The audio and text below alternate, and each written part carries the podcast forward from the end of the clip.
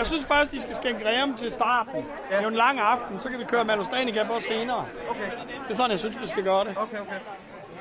Vi har jo været lidt øh, teknisk udfordret. Vi skulle have lavet... Øh, vi skulle have haft øh, verdensnyhed på øh, verdenspremiere på en række af vores produkter på sådan nogle keycakes, sådan nogle øh, fustager. Og så virkede det fustageanlæg ikke, som vi øh, fik jo, så, så, er man, så er man ligesom lidt lost. Det er ikke til at jage sugerør ned i sådan en postage der, så... Så vi er... Vi improviserer med flasker. På, det bliver på den gode gammeldags måde i dag. Ja. Det er lørdag aften. Cold Hand Winery summer af liv, men selvom vingården har flere end 100 gæster på besøg, og selvom indvielsen af Cold Hand Wineries nye udendørs oplevelsescenter ikke går helt som planlagt, er frugtvindtavler Jens Skovgaard i et strålende humør. Mit navn er Laura Uldal Akkernes, og jeg er i dag taget til Listen, en landsby mellem Viborg og Randers, for at møde et menneske, der om nogen har tiltro til dansk frugtvin, og det med god grund. Den historie kan du høre mere om i dette, det fjerde afsnit af Den Danske Vindrøm. Velkommen. Der var en, der havde været ude på de nye toiletter, dem skal man også indvige. Og han havde opdaget, hvor alle vores bronzemedaljer de var henne. Og så, øh, og så spurgte han, mig, har jeg aldrig vundet andet end bronze?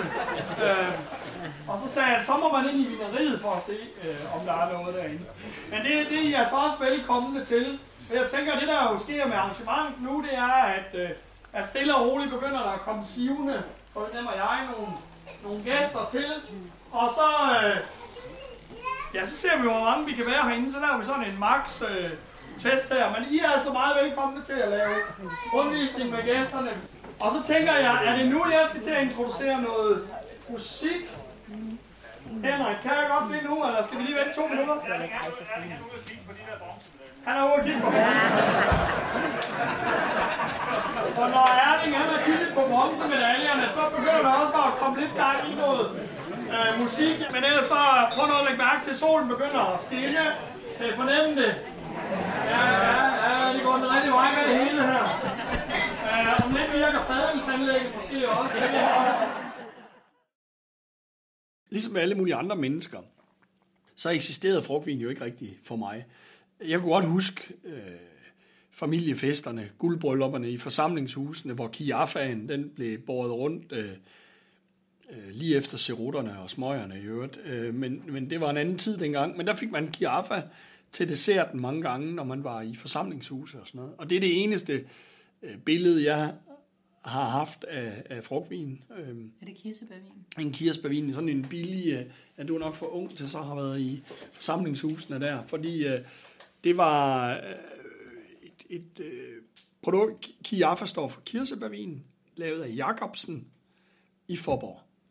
Og det på et tidspunkt, der solgte man en kvart million flasker Kiafa i Danmark om året. Og det er lidt over dobbelt så meget som den samlede frugtvinsproduktion og salg i Danmark i dag. Så det fortæller lidt om, der har været en æra tidligere, men det var et meget, meget billigt industrielt produkt. Så det er jo noget helt andet end det, vi ligesom går efter i dag. Men, øh, men, men derfor så, det jeg var interesseret i, det var god vin. Og jeg var kommet i, jeg, som forstander kom jeg ind i et skidt selskab, plejer jeg at sige, fordi der sad nogle folk i bestyrelsen af den efterskole, jeg blev forstander på, som var meget vininteresseret. Og vi satte gang i en hel masse øh, vinture og vinsmagninger og rejste rundt og smagte på vin og sådan noget. Og, og det der var det dejlige ved, måske var der også en eller anden kultur op for Thy og Mors, øh, der er ikke ret meget snopperi deroppe. Og, øh, og det kan jeg rigtig godt lide, fordi jeg havde tidligere i vinverden stødt på øh, en masse unge mænd, som, øh, hvor, hvor det hele tiden handlede om sådan en battle om, hvem der kunne nævne flest af de der tredje krydslotte og, og, og så videre. Og det har jeg aldrig interesseret mig, men smag har altid interesseret mig. Jeg har sat mig på et kontor sammen med Jens fra Coldhan Winery for at høre ham om, hvordan hans rejse fra efterskoleforstander på Mors til succesrig frugtvinmager i Læsten tog fat. For selvom det i landbofamilier gennem generationer har været almindeligt at lave frugtvin af årstidens bær og frugter fra haven, og selvom Kiafa fra slutningen af 1920'erne og frem til i dag har haft godt gang i salget af kirsebærvin, så er det først i nyere tid, og med vinerier som Cold Winery, at dansk frugtvin for alvor er blevet set på som et eksklusivt produkt. En udvikling, der for Cold Wineries vedkommende udspringer af Jens Skovgaards store passion for god mad og vin. Det sjove er, at rigtig god vin behøver ikke altid være rigtig dyr vin. Vi var et, et sling af vininteresserede, som lavede blindsmagninger, øh, og, og, og de steder, man kunne komme til det, deltog vi i blindsmagninger. Hvis ikke det var en blindsmagning, så lavede vi den blindt, sådan at der var en, der hentede vin til alle, så vurderede vi og bedømte og gjorde ved. Og vi har været med i mange smagninger, hvor vi er kommet hjem, og det har været en vin til 60 kroner, der var aftens vinder, selvom vi havde smagt øh, vine til 5 og 10.000 kroner flasken, fordi vi tog ene og alene øh, udgangspunkt i, hvordan, øh, hvordan synes vi, det smagte. Så det, det var rigtig sjovt. Men hvordan gik du fra at kan man sige, have en interesse og passion for at smage, til også så at fremstille? Fordi det er jo en anden proces. Ja, ja egentlig ja. Det er måske kommet glidende, fordi i virkeligheden, hvis jeg sådan rigtig skal huske helt tilbage, så øhm, der var en ung mand, der boede jeg i, mens jeg læste til lærer, der boede jeg i et kollektiv mellem Randers og Aarhus. Og øhm, det var sådan et rigtig biolog-kollektiv. Jeg tror, jeg var den eneste ikke-biolog øh, derude i det kollektiv, så vi var meget naturinteresserede og sådan noget. Og der var en stor kælder, og der lavede vi frugtvin. Og, men vi lavede også sådan noget, øh, dengang der kunne man få sådan noget tre ugers, lave sådan noget tre ugers vin, hvor man nede i Matas kunne købe sådan noget druekoncentrat og noget gær og noget øh, gærstop og enzymer og så videre. Og så kunne man lave sine egne vine. Og det gjorde vi faktisk i stor stil. Der handlede det jo nok mere om noget andet end, end verdensklasse. Det handlede nok om at, at få noget med nogle procenter i, som var til at drikke øh, til den rigtige pris. Men der lavede vi også, vi lavede en, øh, en øh, portvins type på hyldebær, hvor vi selv plukkede hyldebær, som jeg stadigvæk husker, øh, som var forrygende. Og så, så jeg havde leget med sådan de grundlæggende teknikker, og da jeg begyndte at interessere mig for æbler, begyndte jeg også at lave cider, og var meget interesseret i det. Jeg har faktisk holdt masser af kurser i ciderfremstilling. Så i en del år har jeg lavet cider, efter fransk forbillede især. Men aldrig tænkt en kommersiel tanke, fordi altså, man skulle have ja-hatten på, for at synes, det smagte godt. Ikke? Og, og jeg havde altid ja-hatten på, men det var ikke altid min omgivelse, de havde ja-hatten så meget på. Så jeg har aldrig set et kommersielt potentiale i det der. Det var ikke kun cider, som Jens prøvede sig af med.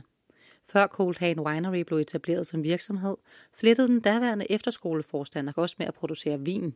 Og når jeg siger vin, så mener jeg druevin, for betegnelsen vin må faktisk kun benyttes om gæret saft af druer, selvom processerne i frugtvin teknisk og videnskabeligt set er ret ens. Noget af det der dårlige selskab, jeg kom i op på Mors, dyrkede også vindruer. Og vi lavede både rød, hvid og rosé øh, af de der druer, og deltog i øvrigt i dansk øh, vinskue. Men helt ærligt, så var det en joke. Altså, vi lavede noget rødvin et år. Vi lavede to rødvine på rondodruer.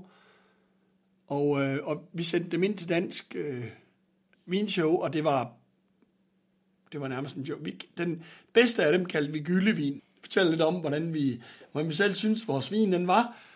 Og vi havde en vidunderlig, men skræmmende oplevelse, da vi så deltog i Dansk Vinskue, som var i Helsingør, at, øh, at vi stod ude i forhallen sammen med en masse vinbønder, og så var der en, der spurgte os om, Nå, hvordan er det gået med jeres vin? Og så sagde vi, det, det forstod vi ikke rigtigt, fordi vi havde ikke hørt noget som helst om, hvordan det var gået med vinen. Og så sagde vi, det ved, det, det, hvad mener du med det? Du, der er der ikke nogen, der ved, hvordan... Jo, alle os, der står her, vi ved godt, hvordan det går med vores vin de var nemlig blevet kasseret. Altså, det, det var dem, der havde lavet vine, som ikke var gode nok til at blive godkendt til selve skuet. Og så sagde jeg, det kunne vi ikke forstå, at vi ikke havde hørt noget. Jamen, det måtte vi jo så være, fordi vores vine, de var blevet godkendt. Og det, øh, for det første, først så skyndte vi os lidt om mor og sådan en hel masse over det. Det var da fantastisk spændende. Så sagde han, jamen, hvorfor står I egentlig så ikke inde i salen og skinker jeres vin op? For det er jo det, man skal. Så. Og så opdagede vi, at der var sådan en, der var jo en sal, hvor alle dem, der så havde fået godkendt deres vin, de kunne stå ind og skinke smagsprøver op. Og der var Øh, en sal fuld af mennesker, og så var der en stand, hvor der ikke øh, stod nogen mennesker ved, og der stod bare nogle flasker rødvin, og det var så vores. Øh, det havde vi ikke anet, at vi skulle, så vi piskede over, og fik skænket noget rødvin op. Og vi endte faktisk med at lave, øh, vi var helt chokeret over, at vores, rød, vores gyldevin blev den fjerde bedste rødvin i Danmark, og så snakker vi lidt om, at så står det sat med sløjt til. Jens lagde derfor hurtigt produktionen af druevin på hylden igen, og selvom han i dag har større tiltro til de danske vinbønder, har han ingen planer om at vende tilbage til druevinen lige forløbig. Der er sket meget i de 10 år, der er gået siden da, og man kan lave glimrende vin på druer i Danmark, og der er nogen, der laver rigtig god vin på druer i Danmark. men jeg tror simpelthen ikke på projektet, fordi det er så meget dyrere at lave et kilo druer i Danmark, end det er at lave et kilo druer nede midt i Tyskland. Og, øhm, og det er så svært stadigvæk med de klimatiske udfordringer her, at det hedder hver anden tredje år, at man får en hederlig overgang, og den er lille, og, og det bliver dyrt, og så videre. Så det, jeg, altså, jeg tænker også, at øh, nøgteren betragtet er det også et, absolut et fortal af de danske vinbønder, som har lavet nogen form for eksport overhovedet af deres produkter. Det kan man så sige, det er heldigvis kan de sælge det hele i Danmark. Øh, Øh, ja, det, det, det kan godt være, men, men det er efter min mening virkelig op ad bakke. Man skal være dygtig, det er dyrt, og jeg synes, den danske vinbranche karakteriseres af, at de største og de bedste vinerier, de er alle sammen grundlagt af, som, som, som vi yndede at sige dengang, hvordan laver man en, så en mindre formue på dansk vin? Ja, det gør man ved at starte med en rigtig stor formue. Desuden mener Jens, at fordelene ved at fremstille frugtvin er langt flere end ved druevin. Mange af vores produkter tager jo tre år, fra vi starter øh, med frugten til øh, de er færdige. Og, øh, og det gør det jo helt håbløst at, at tjene penge der i starten. Men så kan man sige, eller bortset fra det, så har vi jo den mulighed, at vi kan, vi kan købe noget frugt også. Altså vi kan indgå nogle forpligtende samarbejder med nogle avlere og købe noget frugt. Og det giver jo en større fleksibilitet end den drueproducent, som selv dyrker sine druer og har det, man har. Øhm, og derfor så kan man sige, så kan vi gå, vi kan, vi kan vækste noget mere. Øhm, og så synes jeg, at øh, dyrkningssikkerheden, vi har gode æbler i Danmark hver år. Vi har ikke gode druer hver år. Øhm, øh, den er utrolig vigtig, og så er det jo heller ikke nogen hemmelighed, at jeg mener, at vi laver noget af verdens bedste frugt, nogle af verdens bedste æbler i Danmark. Vi laver ikke verdens bedste druer i Danmark. Netop Jens Skovgaards passion for æbler blev der også afsættet fra Cold Hand Wineries tilblivelse tilbage i 2010. Ja, i virkeligheden startede det med, at jeg fik Rit Bjergårds bog Mine æbler i julegave. Og øhm, det var farlig læsning for mig, fordi da jeg havde læst den bog, så øh, fødte det simpelthen sådan en æbledrøm ind i mig. Øh, jeg ville også leve og bo i en økologisk frugtplantage. Så jeg begyndte at drømme om æbletræer og æblesorter. Og øh, på et tidspunkt, så, øh, så lærte jeg mig at pode æbletræer, og så gik jeg simpelthen i gang med, øh, med at pode en masse æbletræer.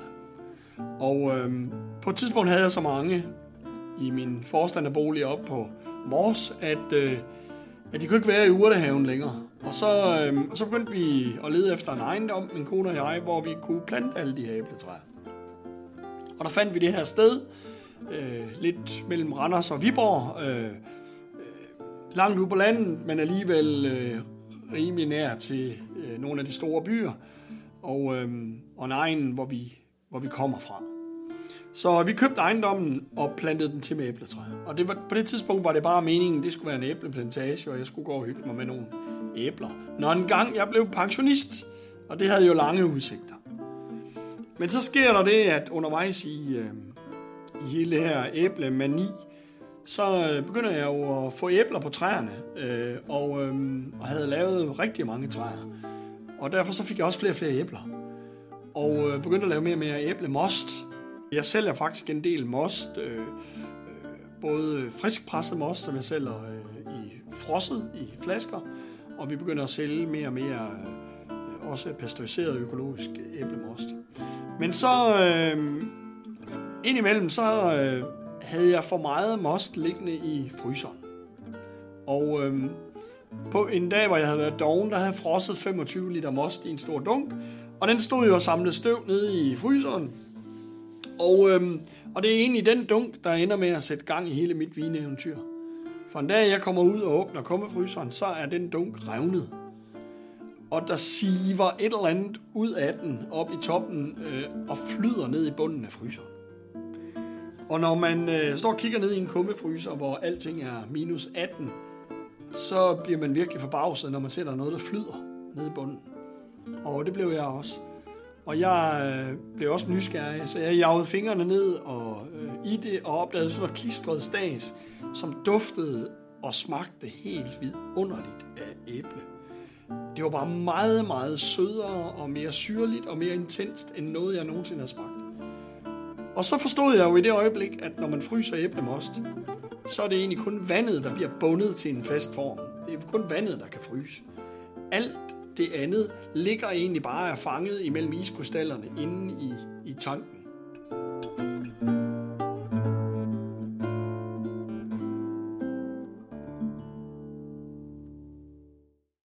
Oplevelsen satte tanker i gang hos Jens om at skabe en dessertvin på højde med dem, han kort forinden havde smagt sig igennem på en ferie i Sauternes, en region i Bordeaux i Frankrig, der først og fremmest er berømt for sin kvalitetsdessertvine, og han gik derfor i gang med at eksperimentere med at fremstille isvin på baggrund af kryokoncentration.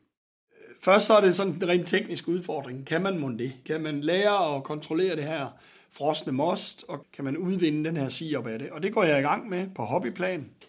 Og øh, jeg laver nogle forskellige forsøg, køber noget mere most og nogle flere æbler og nogle flere kummefryser og så videre og går i gang.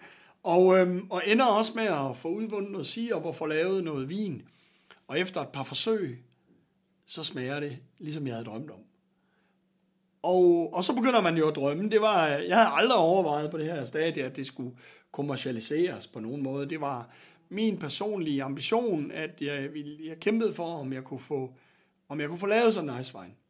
Men da jeg så står med den i glasset, og det smager piv godt, så kan man ikke lade være med at begynde at drømme og tænke, hold da op. Tænk, hvis, hvis man kunne kommercialisere det her. Og på det tidspunkt øh, er der jo aldrig, han har sagt, blevet lavet seriøs æblevin i Danmark. Øh, så det er meget sådan utopisk at tænke, at man kan kommercialisere en æblevin, når den er lavet op i Randers af en bunderøv øh, deroppe, øhm, og sælge den måske på nogle af landets bedste restauranter. Det var helt utopisk. Men ikke desto mindre, så blev det jo det, der blev min drøm.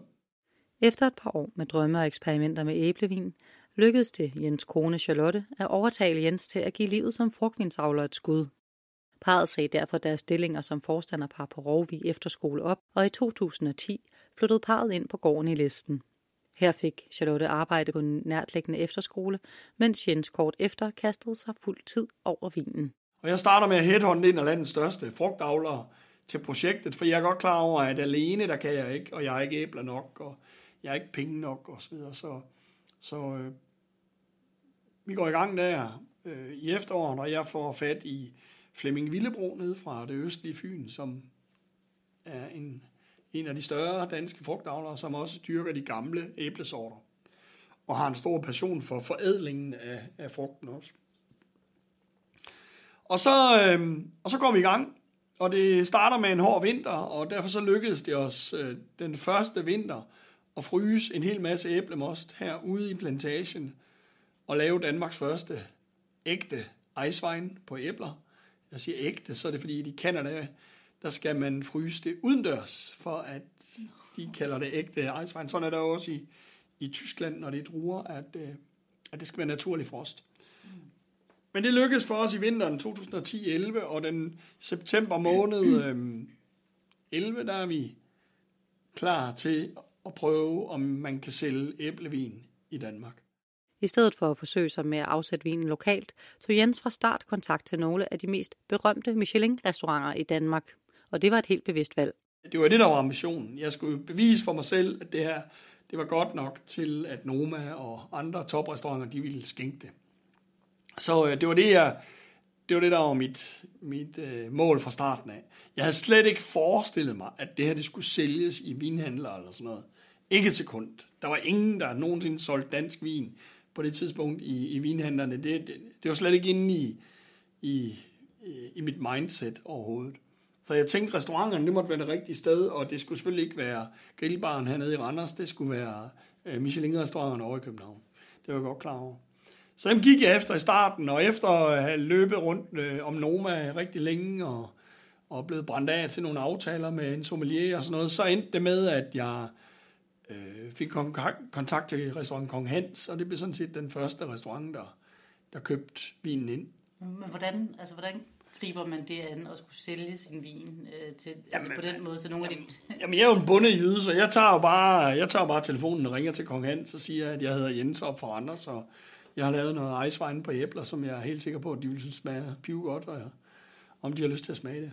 det var, jeg var så heldig, det var faktisk Tilde Morbjerg, som er efter min mening Danmarks dygtigste sommelier. Det var Tilde, der på det tidspunkt var sommelier øh, på Kong Hans. Og hun sagde bare med det samme, det lyder at man med spændende ice på æbler, det lyder spændende. Har du tid til at komme forbi, så vil jeg gerne smage det. Og så, øh, så var vi i gang. I dag fremstiller Cold Winery omkring 100.000 flasker vin årligt. Der sælges til primært danske vinhandlere og restauranter, mens omkring 10 procent ryger videre til udlandet.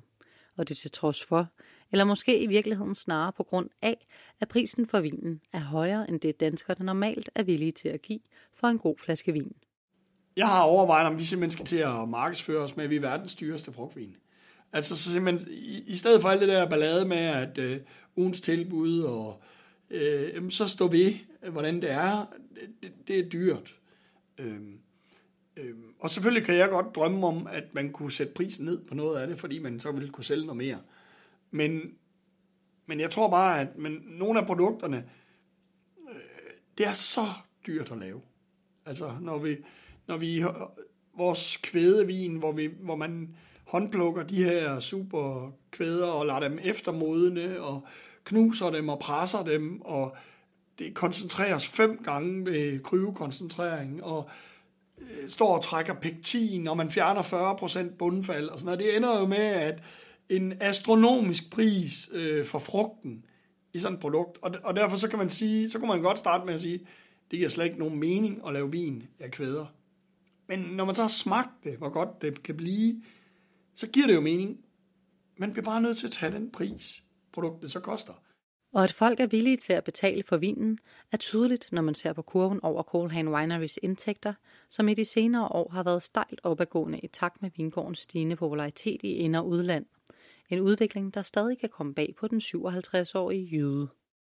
Altså, jeg husker, at, øh, at øh, da jeg startede, så min vinbuddies op fra Mors, øh, vi kunne stå og joke med, at øh, når, nu, når nu du laver et vineri engang, stander, sådan, øh, jeg havde altid stander deroppe, øh, så kommer vi, og så skal vi holde smagning og sådan Og der skrev vi og grin over det der med at bygge et vineri i Danmark. Ikke? Altså det var ligesom, vi havde jo rejst meget sammen i Frankrig, Italien, Tyskland og besøgt vinerier og været på smagning og alt sådan noget. Ikke? Og, og det var simpelthen bare en joke at forestille sig, at man lavede et vineri i Danmark. Vi vidste godt, at der var nogen, der var gået i gang med druer, og havde også besøgt dem. Og, og, og det var vel mere eksotisk, synes vi, end det var noget som helst andet. Øh, men vi havde simpelthen ikke forestillet os, at man øh, og vi havde slet ikke forestillet os, at man kunne sælge det i vinhandlerne, og vi havde slet ikke forestillet os eksporten og så videre. Så det, armen er helt følelsesløs, så mange gange har vi nappet os selv i armen, altså fordi slet ikke forestille mig det. Det havde jeg ikke. Men selvom armen efterhånden er følelsesløs, er Jens langt fra færdig med at drømme videre for Vingården. Det er det nye indvidede oplevelsescenter på Vingården et tydeligt tegn på. For med stedet, der ligger scene til flere gastronomiske events og en restaurant over sommeren, er første skridt taget i retningen mod at tiltrække flere af de såkaldte gastroturister, altså turister, der rejser målrettet efter god mad og vin. Nu har vi skrejet efter gode gastronomiske events i uh, Midtjylland og Randersområdet. Nu er de der. Nu er det bare med at melde sig til, så vi kan vise, at uh, det kan vi godt. Så uh, inviter nogle venner med i byen og kom ud og spise.